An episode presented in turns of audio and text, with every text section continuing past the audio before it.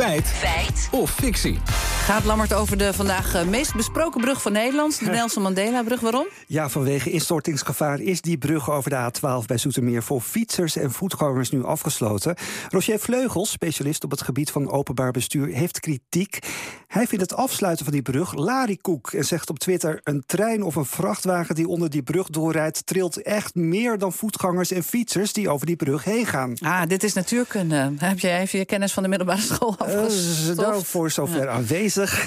dus ver weggezonken inderdaad. Dus ik zocht eh, mijn heil bij Rob Nijssen, professor constructieleer... en een van de experts op dit gebied. Hij legt eerst even uit wat er nu precies mis is... met deze Nelson Mandela-brug.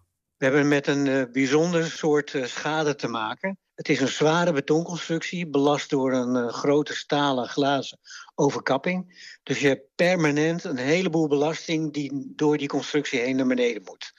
Wat we nu geconstateerd hebben is scheurtjes in het beton. Ja, en die constructie is zwaar en dat enorme gewicht zorgt volgens hem dus voor die scheurtjes. Scheurtjes in beton treden vooral op als een langdurige belasting heel lang staat te drukken en te trekken aan de constructie. En dat is hier het geval. Het is niet dus een dynamische belasting ten gevolge van passerende bussen of vrachtauto's of uh, groepen mensen die over de brug heen lopen. Dat is totaal niet aan de orde. Het is betonschade en die wordt veroorzaakt door langdurig optredende belasting. En hij zegt verder, als een groep mensen nu over de brug loopt... kan dit beetje extra gewicht er precies voor zorgen dat die brug instort. Nou, dan snap je wel dat die brug dicht is. Maar die trillingen van trucks en treinen... die spelen dus in feite helemaal geen rol. Nee, daar lijkt het inderdaad op. En dat hebben we ook nog even gecheckt bij Simon Wijten... onderzoeker betonconstructies aan de Technische Universiteit Eindhoven. Hij zegt dat de invloed van voertuigen die onder de brug doorrijden... zo klein is dat je die bij constructieberekeningen zelfs helemaal niet meeneemt moment dat het verkeer over een brug heen gaat, met die dynamische effecten, trillingen, hou je wel rekening. Maar het verkeer wat niet over de brug heen gaat en dus de brug niet belast, die trillingen, hou, daar hou je geen rekening mee. Ook niet in de zin dat ze worden doorgegeven aan, door de ondergrond aan het fundament.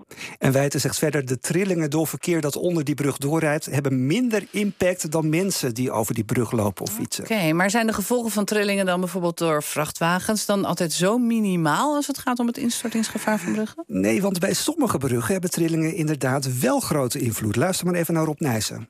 Trillingengevaar treedt vooral op bij lichte stalen bruggen. Die door die klap van de baserende vrachtauto's... Hè, er komt opeens komt er een vrachtauto overheen... heeft een hele uh, windbelasting met zich mee. Hè, dan wordt steeds die brug, die lichte stalen brug... wordt in beweging gebracht.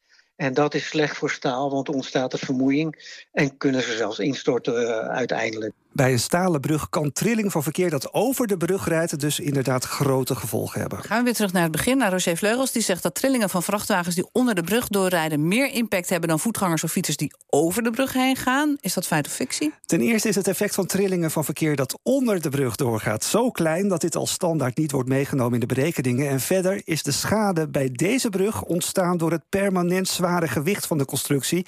en niet door trillingen, dus het is echt fictie.